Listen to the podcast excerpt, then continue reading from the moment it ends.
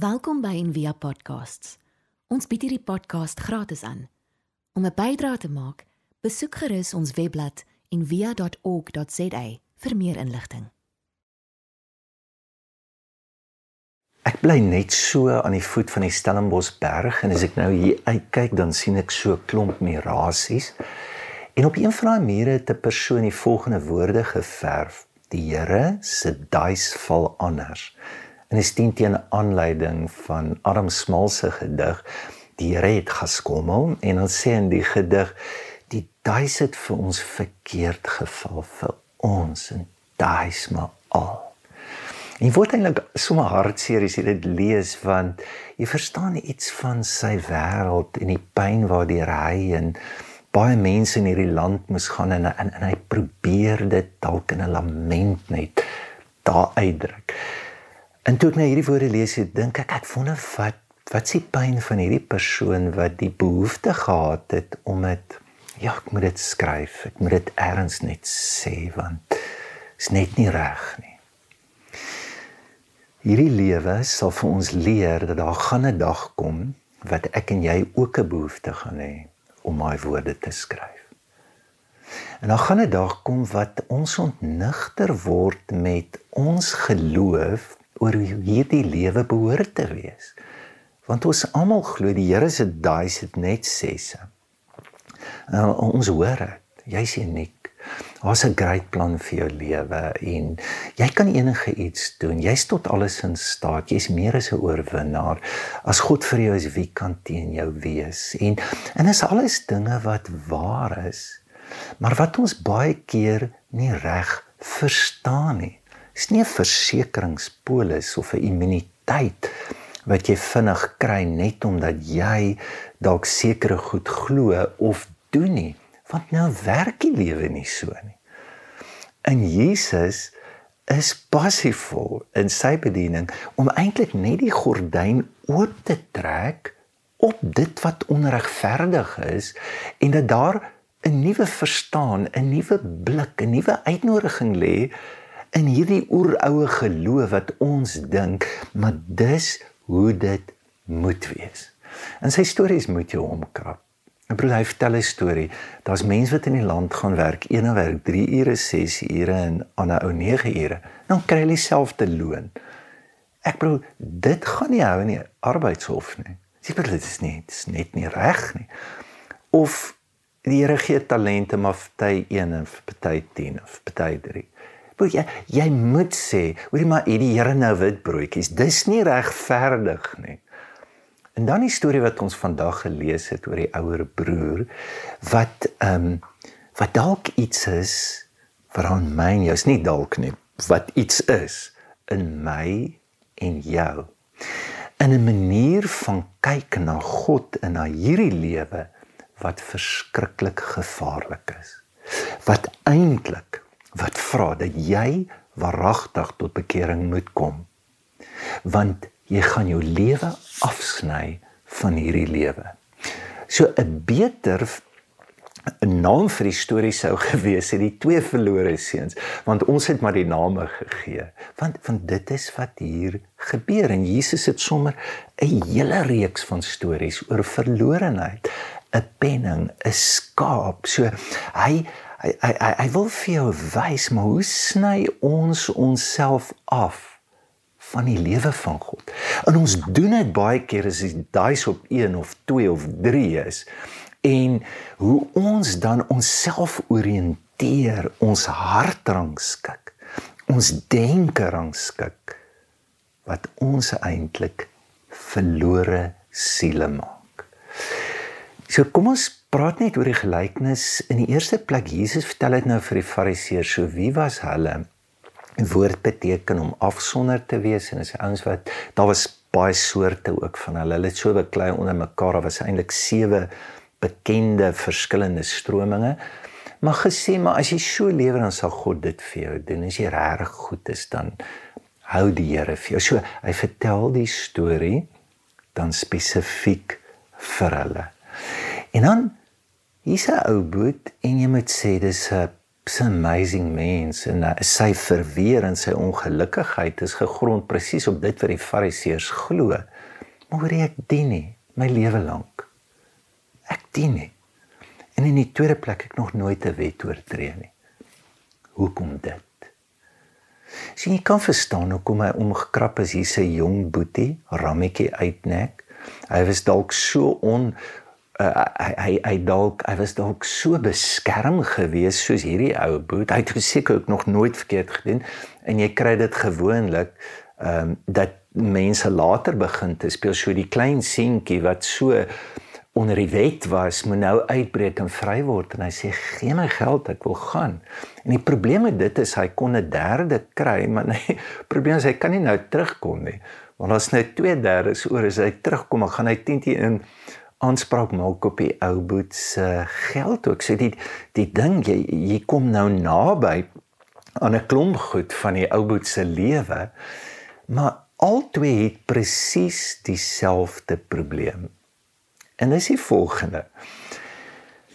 Daar's 'n beide wil goed hê, nê. Nee, maar hulle wil nie regtig hulle verstaan nie die liefde nie. Hulle Hy wil nie regtig die liefde van hulle paai. So die jonge ouetjie, hy soek sy geld, hy soek sy goed, maar nie nie nie die liefde van die pa nie. En die en die ouer broer, ja maar okay, julle gee nou dit vir hom. Ek het dan nou nog nooit so groot partytjie gekry. Goed, maar verstaan nie die liefde nie. En dan hier is die grootte. Beide voel hulle moet gestraf word. Want daar was onregverdigheid en hulle moet gestraf word. So die jong ouetjie sê ek ek kan nie seun nie is genoem word ek's net 'n slaaf.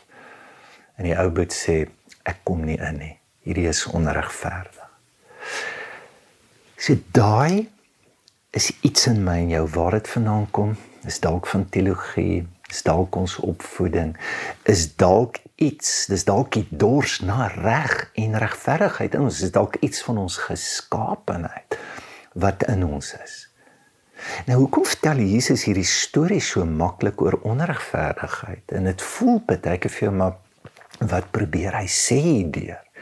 Hy hy hy wil jou vat na 'n baie dieper verstaan waar daar ook 'n diep ontmoeting van jouself en van God binne enige ding wat jy voel onregverdig is kan wees. Soos Jesus nou sy bediening begin dan staan hy, julle onthou mos, hy kom in die sinagoge en hy vat die perkamentrol, hy maak dit oop en hy lees Lukas 4. En hy sê vandag is dit in julle ore vervul. So Lukas 4 sê dit die Here gaan jou vrymaak en die Here sal dit wat onregverdig is, sal hy hy gaan regverdigheid bring. Maar al Jesaja 61 aan. En Jesaja voorspel dat die Messias gaan kom. En hy sê ook dat die Here gaan jou vrymaak en dit daar gaan 'n wonderlike jubel jare uitbreek. Maar Jesaja hou nie daarop nie. Hy sê ook o ja, in so te loop dat die Here gaan die wat verkeerde straf. En ja, jy gaan maai wat jy gesaai het. Toe Jesus dit lees en is seker opsetlik, toe los hy die gedeelte van straf. En daarom vertel hy hierdie storie om vir my en jou te help dat ons anderster dink oor onregverdigheid.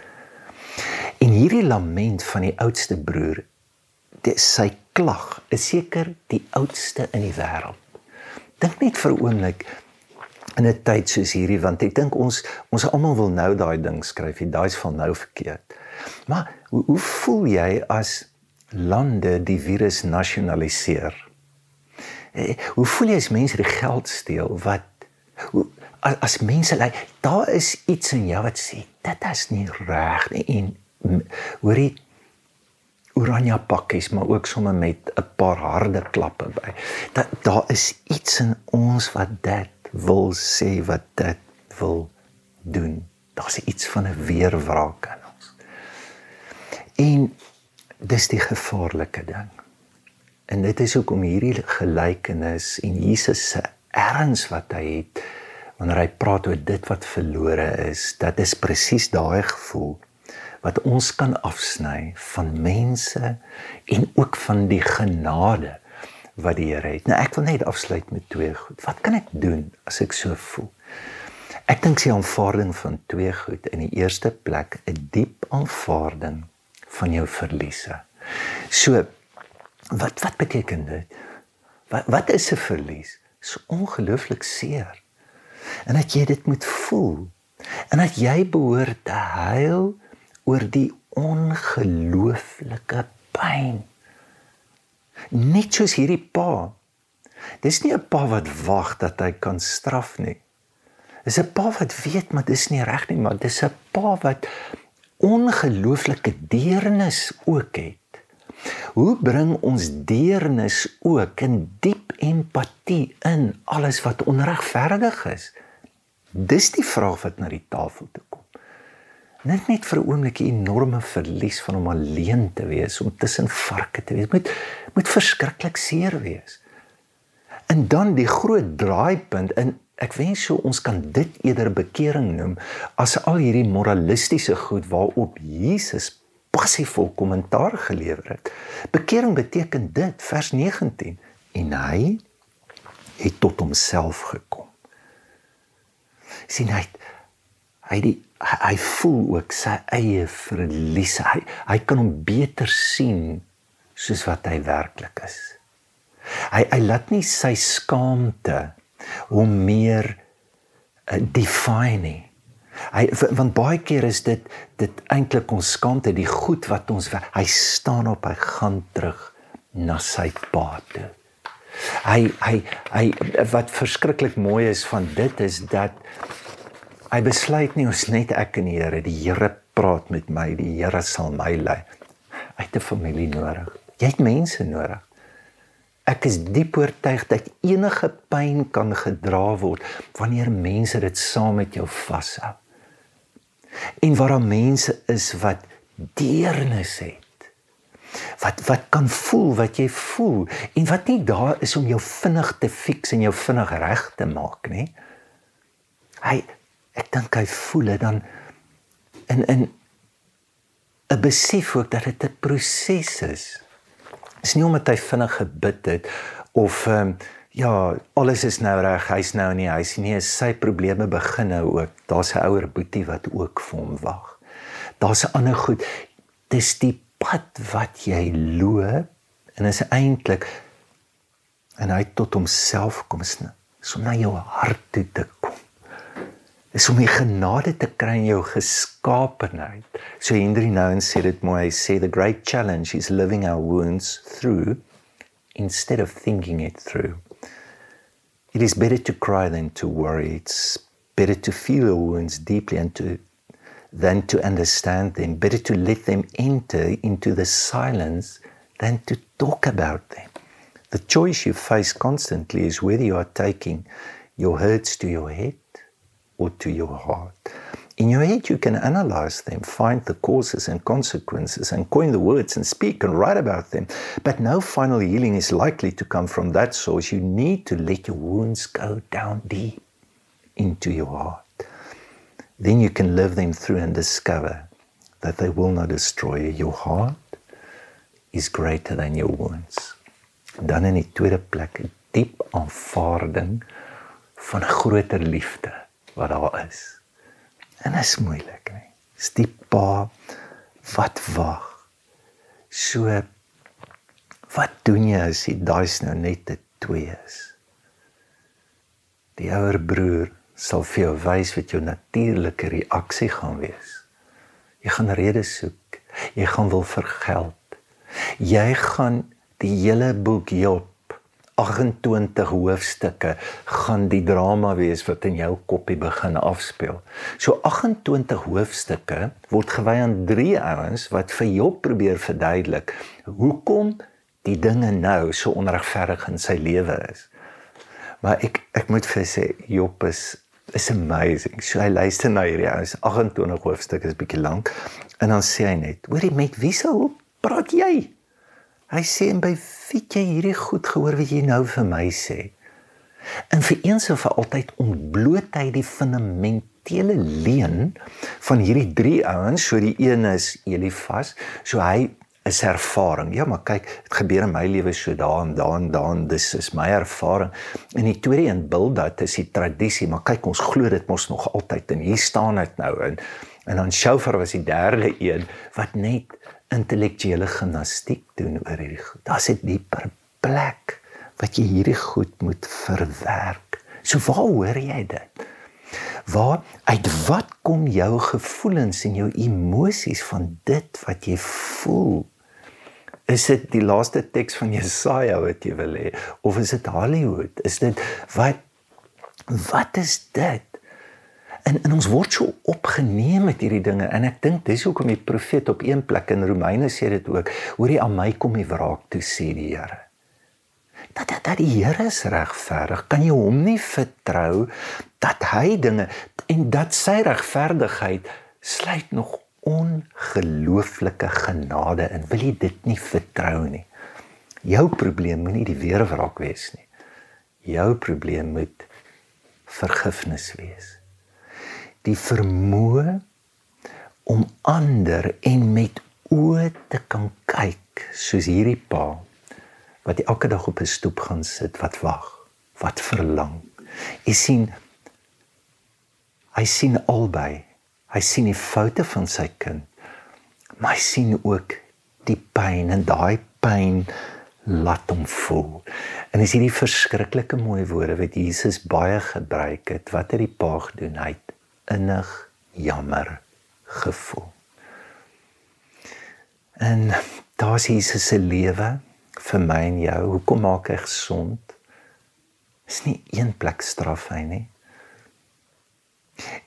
op 'n kol kom weer die fariseërs na hom toe en hulle sê vir hom oor hierdie ou is blind so het die pa vir maag sondig sê Jesus nie hier nie maar ek ek ek wil my liefde nou wys en nou maak die persoon gesond ek hoop dat jy kan vandag en veral in 'n moeilike tyd waarin ons nou is met met erns die ouer broer in jou voel besef hoe gevaarlik dit is dat daai energie, dat daai teenwoordigheid in jou lewe, hoe jy praat oor seer, hoe jy dink oor seer, wat jy doen oor seer, die uitsluiting in jou lewe kan wees van die dans wat God vir jou lewe voorberei.